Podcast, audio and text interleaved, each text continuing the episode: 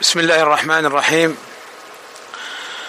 إن الحمد لله نحمده ونستعينه ونستغفره ونعوذ بالله من شرور أنفسنا ومن سيئات أعمالنا. من يهده الله فلا مضل له ومن يضلل فلا هادي له. وأشهد أن لا إله إلا الله وحده لا شريك له. وأشهد أن محمدا عبده ورسوله.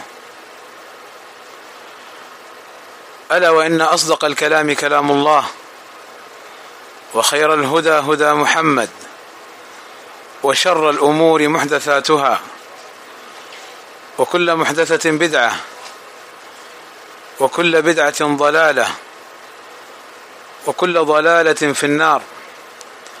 أما بعد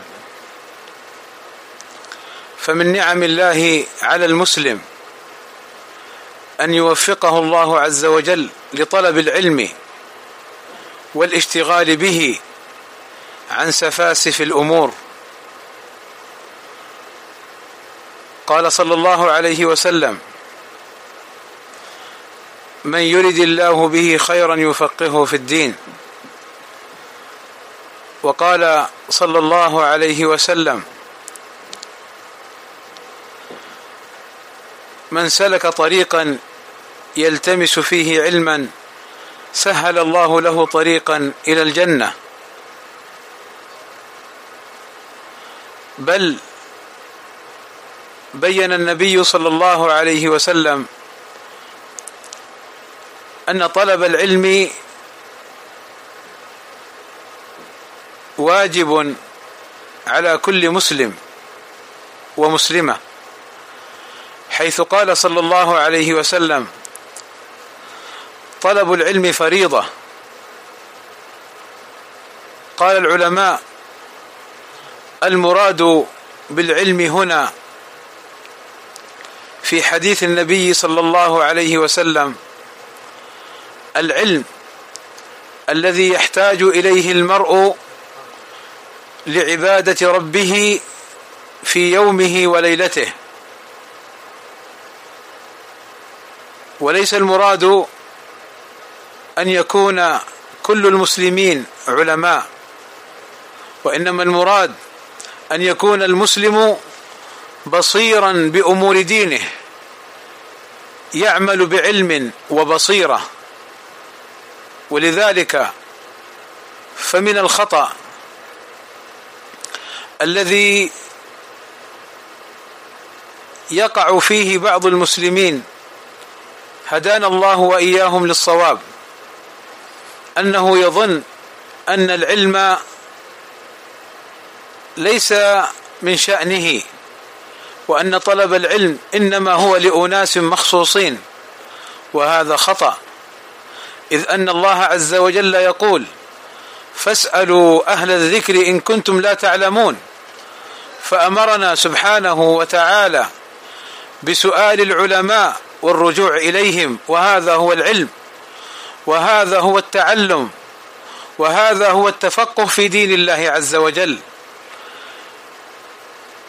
فالمسلم الذي يهتم بالعلم الشرعي الذي حثه الشرع على تعلمه يكون على خير كبير ويكون في راحة بال بإذن الله تعالى ويرجى له الثبات بإذن الله تعالى على الحق. فطلب العلم والاشتغال به خير كبير وخير كثير. وأما الاشتغال بالدنيا والاهتمام بها فلا شك أن بعض المسلمين يهتم بأمور الدنيا ويهتم بما يتعلق بها. اهتماما بالغا مفصلا في الوقت الذي قد يكون من أبعد الناس أو من أجهل الناس عن العلم بأمور دينه. وكيف يقع في ذلك؟ والنبي صلى الله عليه وسلم أخبرنا بأن الدنيا ملعونة ملعون ما فيها إلا ذكر الله وما والاه والعلم داخل في ذكر الله وما والاه. فأي سعادة للمرء حين يوفق لطلب العلم الشرعي؟ فيبتعد عن حال الجهال الذين أضاعوا أوقاتهم فيما لا منفعة تعود عليهم. وقد ذكر النبي صلى الله عليه وسلم أن بعض الناس يتحسرون ويندمون على مجالس لهم في الدنيا مضت لم يذكروا فيها الله عز وجل.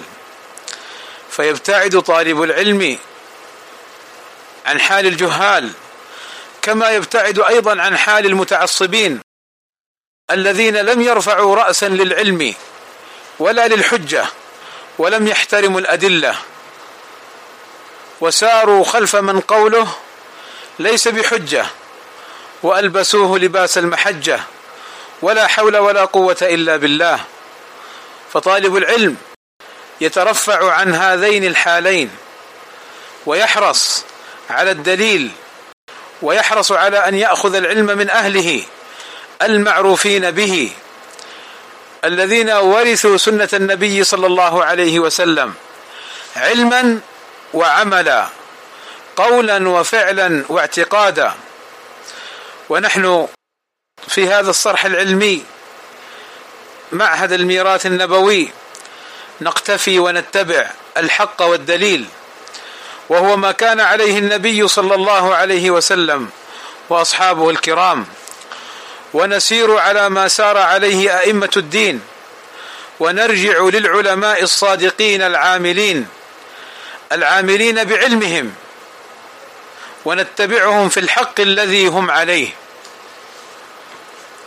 ولا نتعصب لأحد فكل يصيب الحق ويخطئ. كل يؤخذ من قوله ويرد إلا الرسول صلى الله عليه وسلم.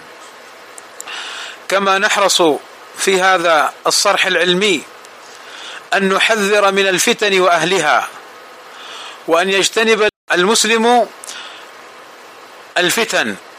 وأن يجتنب حال الفتانين الذين يثيرون الفتن والقلاقل بين المسلمين الذين يطعنون في السلفيين الذين يمشون بالنميمة فيحذرون من أهل الحق الذين يكذبون ويفترون على أهل الحق. هذا من حال الفتانين أهل ظلم وبغي وفساد في الأرض. فهم يفرقون بين المسلمين. في وقت قد اجتمعت كلمتهم أو قربت فإذا بنا نرى بعض هؤلاء الفتانين يفرقون بين المسلمين بلا حجة وبلا هدي بل بالهوى وبالضلال وبالافتراء ولا حول ولا قوة إلا بالله.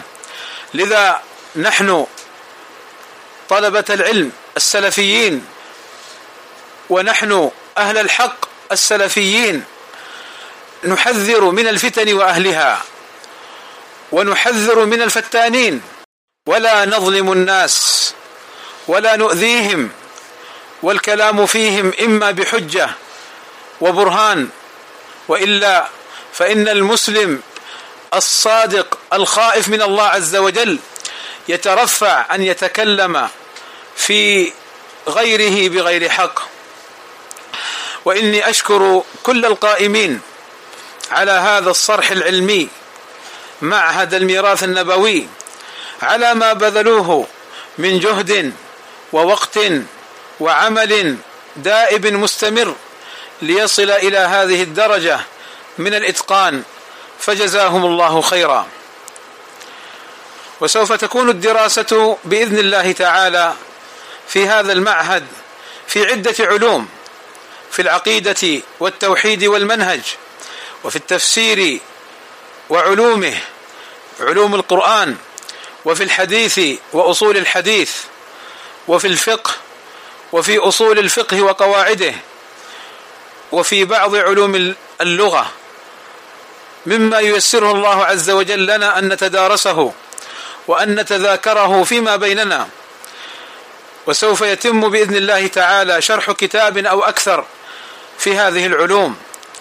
كما أنه سيكون بإذن الله تعالى على فترات ستكون هناك محاضرات وتوجيهات وتأصيلات وتقعيدات علمية وسلفية مأخوذة من العلماء ومن تقعيداتهم ومن الأدلة الشرعية من قبل.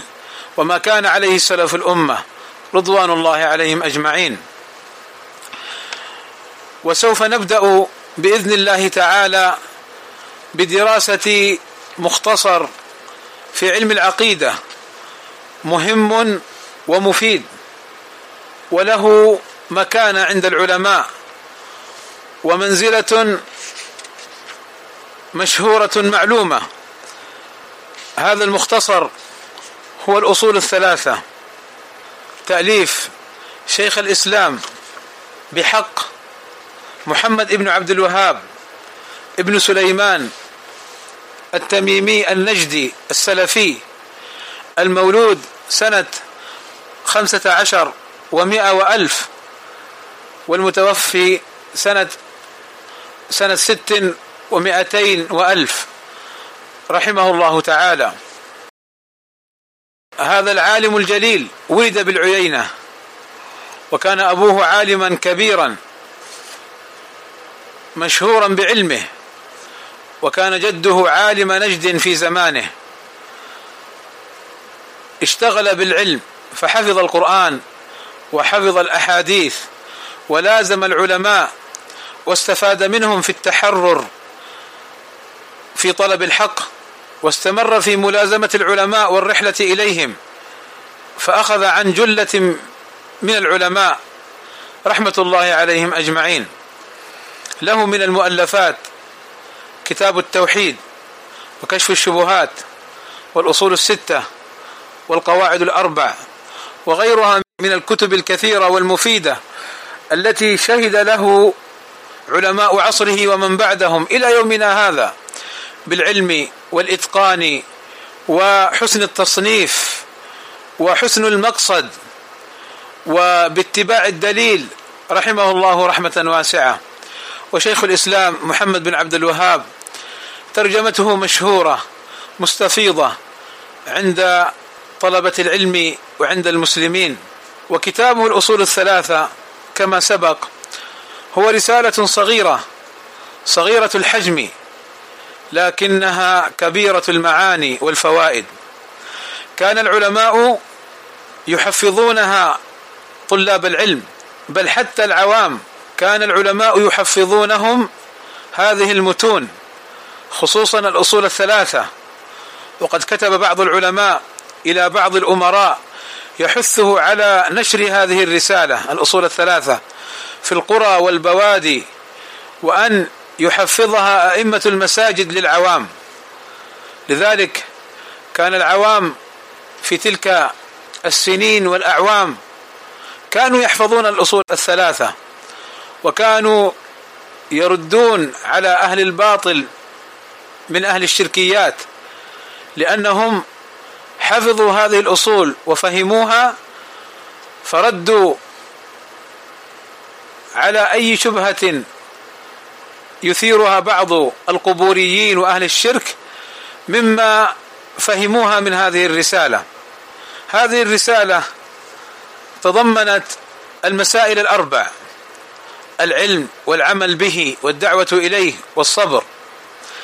كما تضمنت بيان الحنيفية السمحة والتوحيد بأنواعه وبيان الولاء والبراء وبيان الأصول الثلاثة. ما الأصول الثلاثة؟ من ربك؟ ما دينك؟ من نبيك؟ الأسئلة التي يسألها المرء في قبره. جعلها الإمام محمد بن عبد الوهاب رحمه الله تعالى وبنى عليها هذه الأصول الثلاثة معرفة الله ومعرفة دينه ومعرفة نبيه صلى الله عليه وسلم.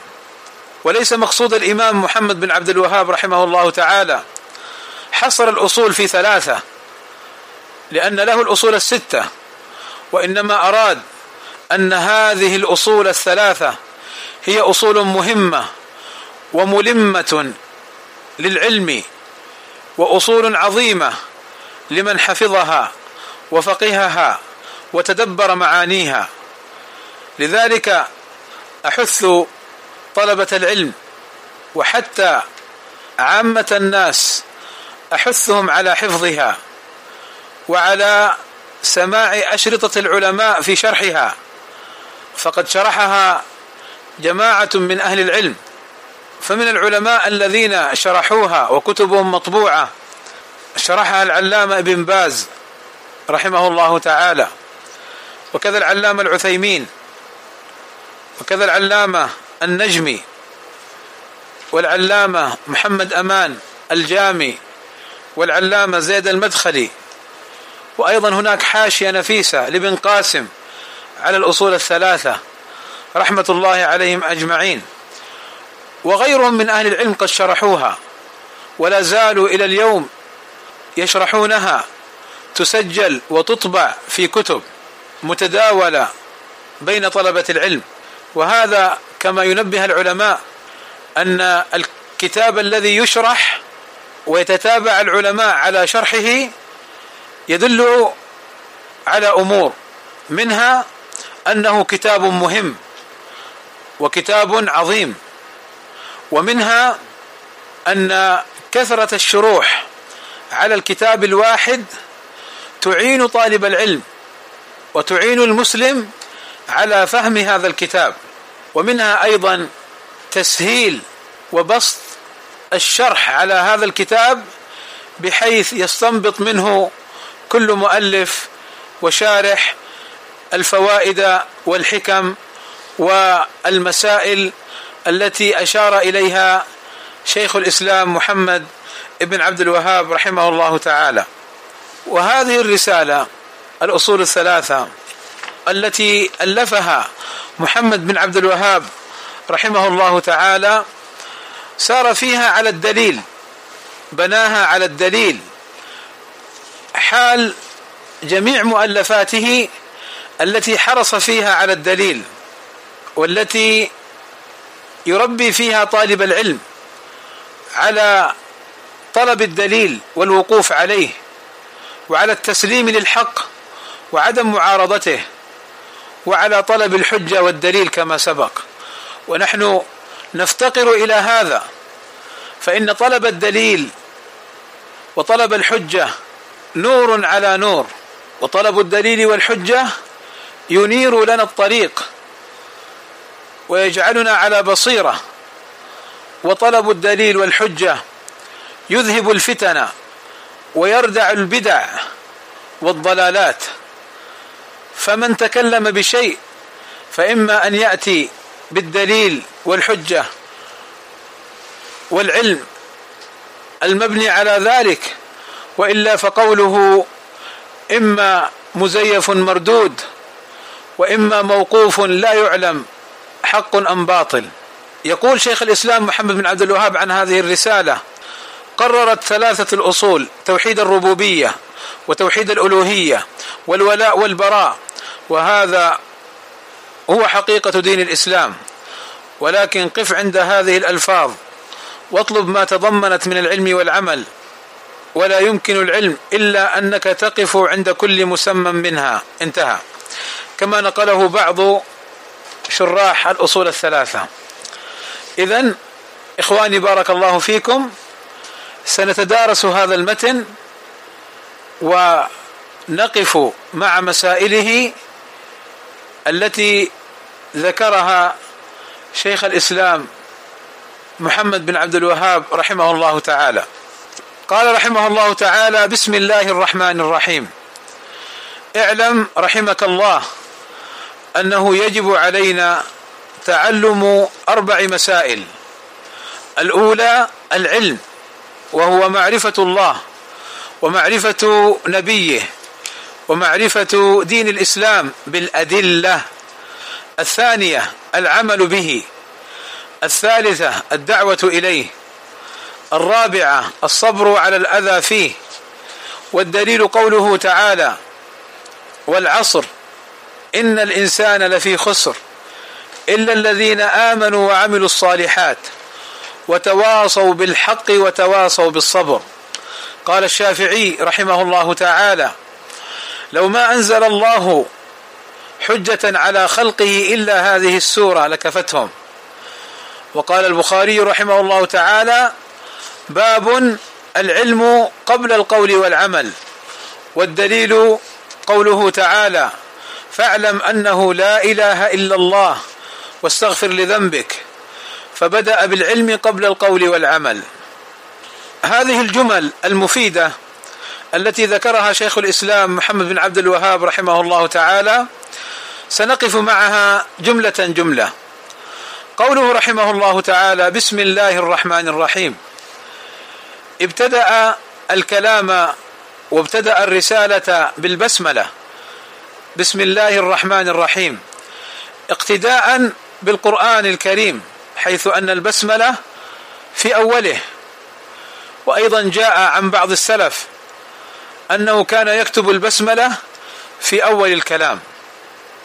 وأما حديث كل أمر ذي بال لا يبدأ فيه ببسم الله فهو أبتر. وفي لفظ أقطع أو أجزم. فهو حديث ضعيف. ضعفه الألباني رحمه الله تعالى في إرواء الغليل. فلا يجوز للمسلم أن ينسب هذا الحديث للنبي صلى الله عليه وسلم.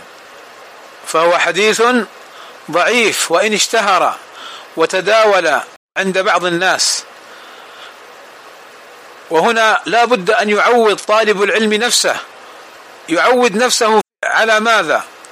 يعودها على البحث عن الحق. وأن لا يرد الحق لمعلومات سابقة عنده. وأن يتجرد للحق. نعم قد تكون تعلمت أن هذا الحديث حسن أو صحيح. ولكن الصحيح بعد البحث والنظر والتتبع لطرقه كما قام بذلك الإمام الألباني رحمه الله تعالى في ارواء الغليل وجزم بضعفه من كل طرقه.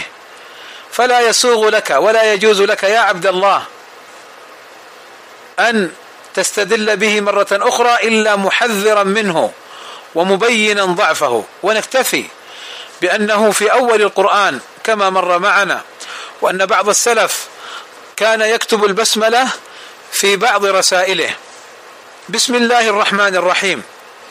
اعلم رحمك الله. قوله اعلم أي تيقن واجزم ولا يكن عندك شك. والإتيان بكلمة اعلم تفيد الانتباه والتنبيه لطالب العلم. للمسائل التي سيذكرها. وهي مسائل وهي مسائل حقيق أن يهتم بها وأن يلتفت إليها وأن تحفظ. ثم دعا له بأن يرحمه الله عز وجل. وهذا من حسن تربيته وعنايته أن يدعو لإخوانه المسلمين وأن يدعو لطلاب العلم. وهذه صفة العالم. العالم يحرص على الخير وعلى النفع وعلى هداية الناس وعلى أن يكون المسلم مستنيرا بالحق عاملا به. وأما الغلظة والفظاظة والشده على المسلمين الذين هم على الحق فليست من الحق وليست من مسلك العلماء ولا من هدي السلف الصالح رضوان الله عليهم. فقد كان أبو سعيد الخدري رضي الله عنه لما يرى طلاب العلم يحتف بهم ويقول مرحبا بوصية رسول الله صلى الله عليه وسلم. وكان العلماء يسألون عن أحوال طلابهم ويهتمون بهم. لذلك شيخ الإسلام محمد بن عبد الوهاب رحمه الله تعالى نجد هذا الأسلوب وهذه الرحمة وهذه الشفقة في غالب كتبه فجزاه الله خيرا. قال اعلم رحمك الله أنه يجب علينا تعلم أربع مسائل. قوله يجب علينا أي يجب على كل مسلم ومسلمة أن يتعلم هذه المسائل الأربعة وأن يتقنها لأنها مما أمر الله عز وجل بتعلمها ولأنها مما يقوم عليها دين المرء. فلا ينبغي لمسلم أن يجهلها فضلا عن أن يتجاهلها وأن لا يهتم بها. هذه الأربع المسائل يبين لنا شيخ الإسلام محمد بن عبد الوهاب رحمه الله تعالى أنها مما يجب علينا أن نتعلمها. كما تجب عليك بعض العبادات فتعلم هذه المسائل من العبادات الواجبة. عليك يا عبد الله ويا أمة الله. ما هي المسألة الأولى؟ قال العلم وهو معرفة الله ومعرفة نبيه ومعرفة دين الإسلام بالأدلة. والمراد بالعلم أي العلم الشرعي. والمراد من العلم معرفة الله عز وجل. أن تعرف الله عز وجل بأنه سبحانه وتعالى هو الخالق الرازق المدبر الذي بيده الأمور كلها.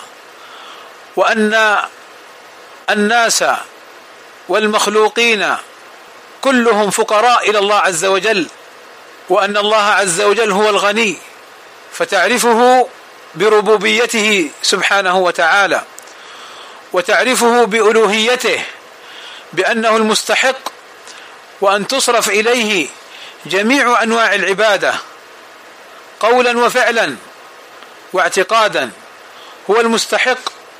لها سبحانه وتعالى.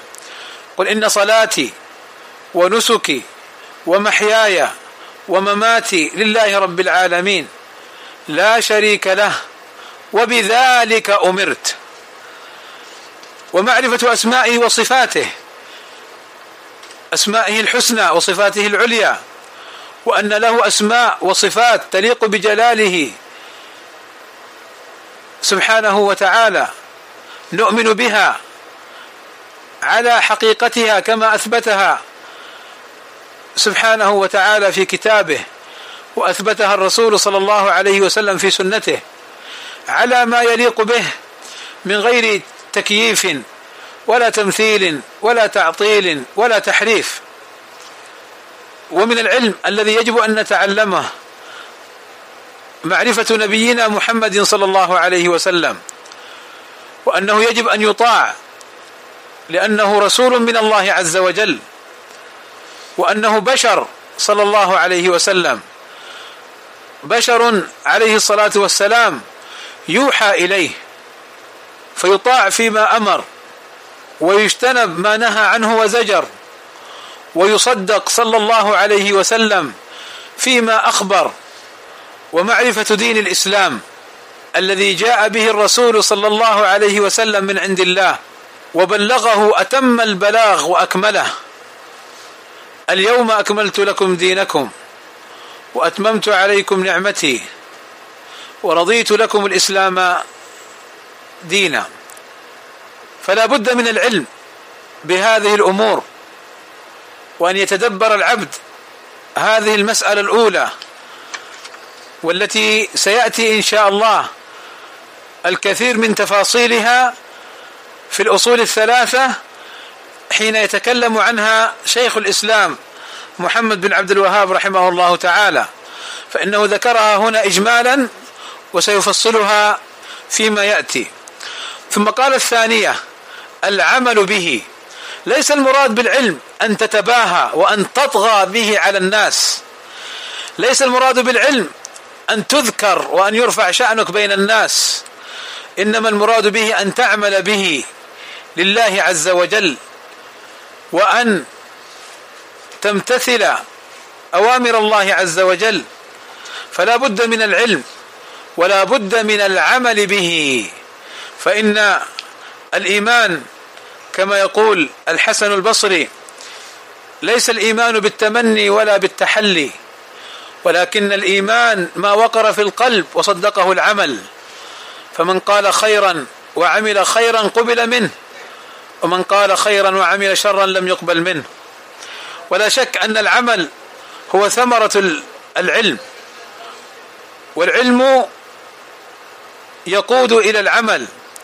وجاء عن بعض السلف أنه قال هتف العلم بالعمل فإن أجابه وإلا ارتحل. لا بد أن تعمل بالعلم.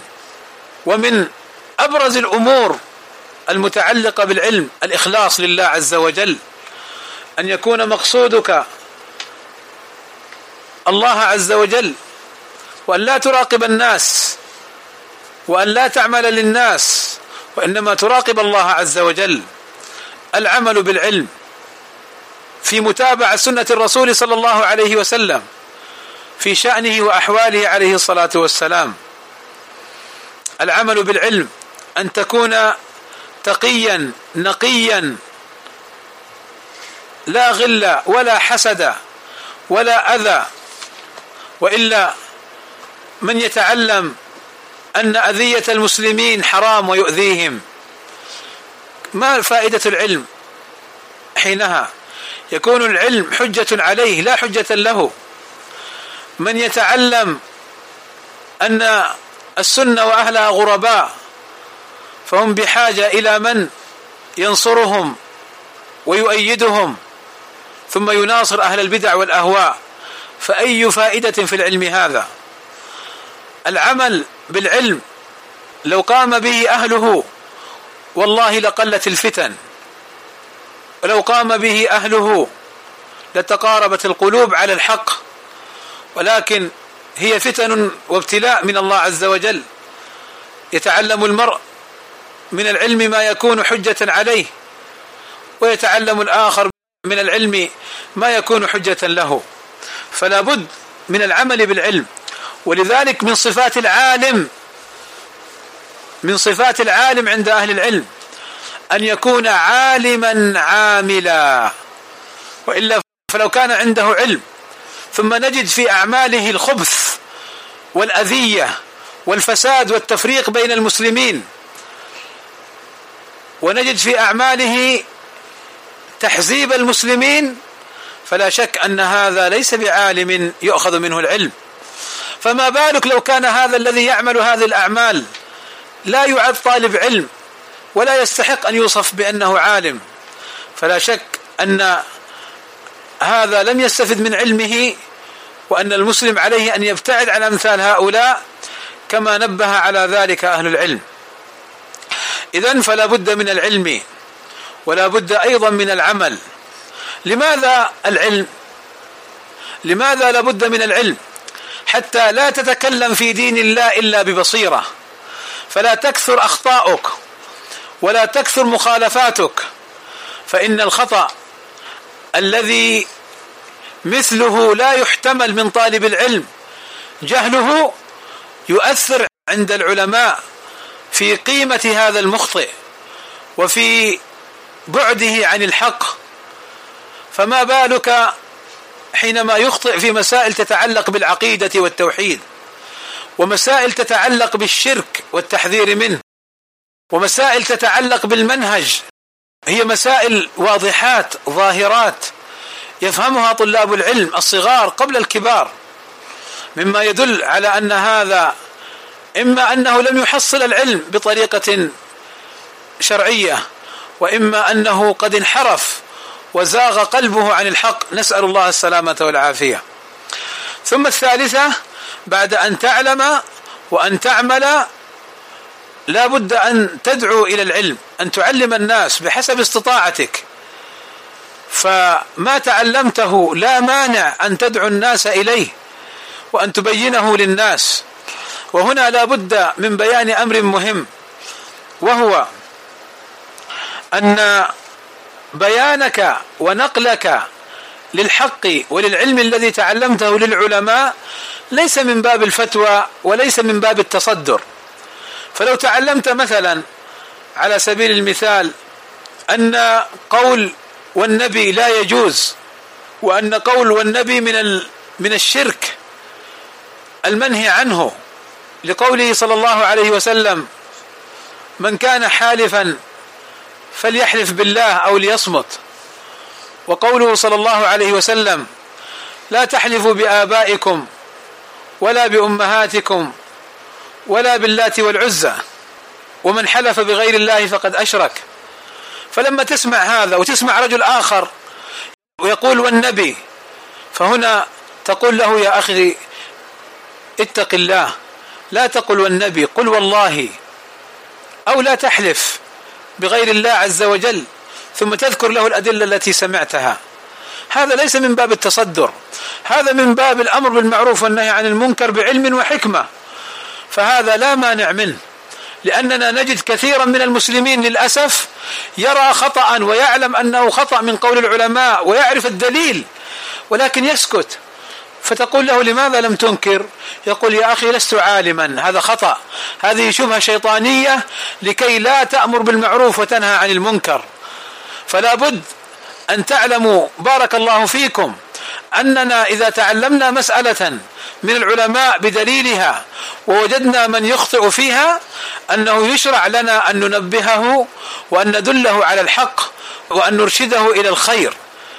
وأما الاشتغال بالمسائل العلمية وطرق الاستدلال والمناقشات والمناظرات وإيراد الحجج فهذه للعلماء ولطلاب العلم المتمكنين في علمهم فلا مانع. أما العوام فلا يخوضون فيها.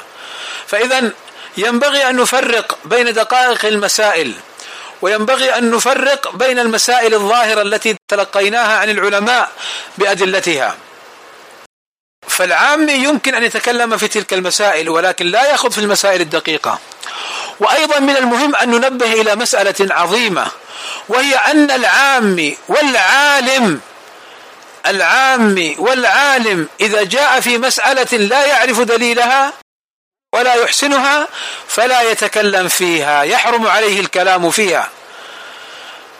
ولو سكت الجاهل لقل الخلاف. ولو قال من لا يدري لا أدري لسلم. وكان السلف يحذرون من الفتوى في كل مسألة. ولذلك تجد الذي يفتي دائما ويحرص على الفتوى ويتصدر للناس قبل أن يتأهل ويشهد له تجد عنده التخبطات وتجد عنده كثرة الأخطاء. نسأل الله السلامة والعافية. فلا بد من الدعوة إلى هذا العلم الصحيح الذي تعلمته. لينتشر الحق ويظهر دين الله عز وجل. فإذا دعوت الناس وبينت لهم الحق من الباطل فلا بد أن تعلم أنك معرض للأذى فلا بد أن تصبر على الأذى. فهذا نبي الله صلى الله عليه وسلم أوذي وهو يدعو الناس إلى الخير يخرجهم من الظلمات إلى النور. حريص عليهم كل الحرص صلى الله عليه وسلم. ومع ذلك أوذي صلى الله عليه وسلم. فمن سلك طريقه فلا بد أن يؤذى ولا بد أن يتعرض للأذى. إلا أن يشاء الله فليوطن نفسه على الصبر. وفرق بين أن يتعرض للأذى وأن يسلك غير السبيل الصحيح. فيوبق أو فيجعل نفسه في مواطن الهلاك وبين أن يدعو الناس فيؤذى في دعوته فإن بعض الناس يعمل أعمالا غير شرعية ويزعم أنه في هذه الأعمال يعني يدعو إلى الله فيؤذى وأنه يصبر على ذلك. لا. أنت تتعلم العلم وتعمل به أنت تتعلم العلم وتعمل به وتسير على ما كان عليه النبي صلى الله عليه وسلم وأصحابه الكرام. فإن علمت وعملت وسرت على ما كان عليه النبي صلى الله عليه وسلم واصحابه الكرام فأوذيت بعد ذلك للزومك للحق فاصبر واعلم أن العاقبة للمتقين وأن الله مع الذين اتقوا والذين هم محسنون. فاصبر على ذلك والزم الصبر. لماذا يؤذونك؟ لأنك تدعو الناس وتحذرهم من جانبين من جانب الشهوات. فأهل الدنيا يرفضونك يرفضون ما أنت عليه ويبغضونك. وأهل الشبهات أيضا يرفضونك ويرفضون ما أنت عليه فيحاربونك ويؤذونك. وأنت تعلم إنما تعمل لله لا لنفسك. فما تعرضت فيه من الأذى لله فما أحلاه وما ألذه وأطعمه لأنه في ذات الله عز وجل. ولذلك إن كنت تغضب إن أوذيت فأنت عليك أن تراجع. هل تدعو إلى الله أم تدعو إلى نفسك؟ فلذلك نبه شيخ الإسلام رحمه الله تعالى على الصبر على الأذى. نعم الأذى يصيب المسلم حتى من بعض من هو على يعني قرب منه إما حسدا وإما ظلما وإما بغيا. قد يكون موافقا لك في المنهج ويدعو إلى الحق الذي أنت عليه. ولكن تتلاعب به الشياطين فيقع في الحسد فيؤذيك ويتكلم عليك ويحذر منك ويبغضك ويتقول عليك. فعلى المسلم أن يكون بصيرا نبيها حريصا على الحق وأن يبعد عن طرق الردى وسبل الهوى.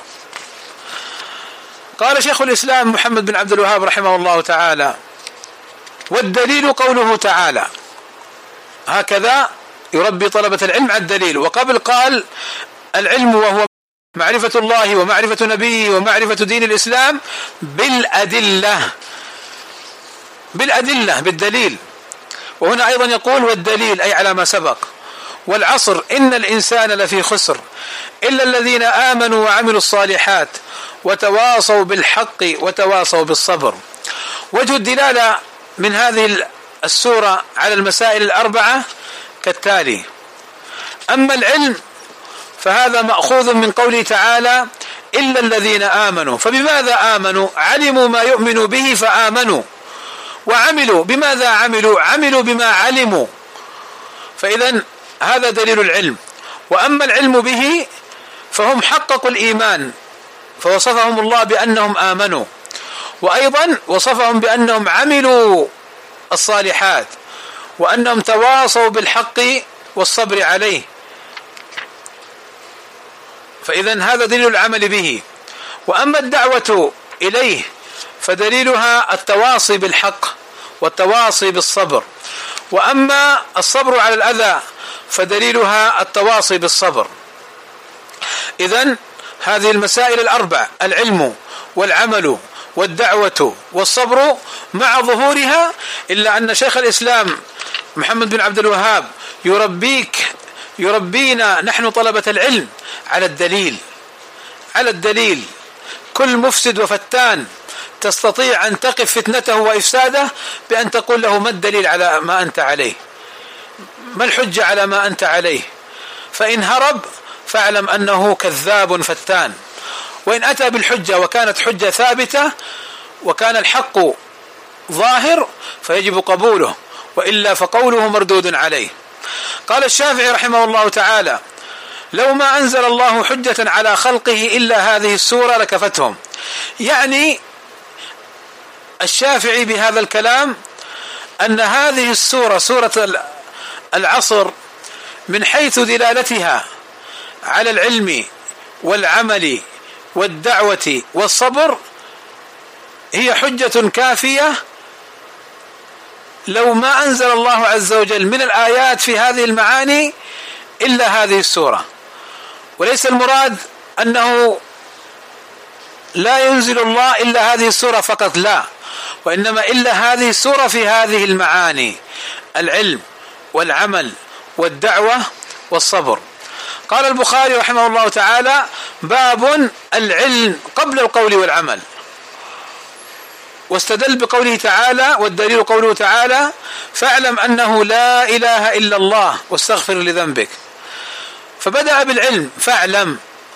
قبل القول والعمل. قبل قول لا إله إلا الله والعمل بالاستغفار. فمن عمل بلا علم كما يقول السلف من عمل بلا علم كان ما يفسد أكثر مما يصلح. وقالوا كيف يستقيم الظل والعود أعوج؟ ومن عمل بلا علم أشبه حال النصارى الذين ضلوا عن الطريق المستقيم والذين ترهبوا وابتدعوا رهبانية واشتغلوا بالعبادة ولم يشتغلوا بالعلم.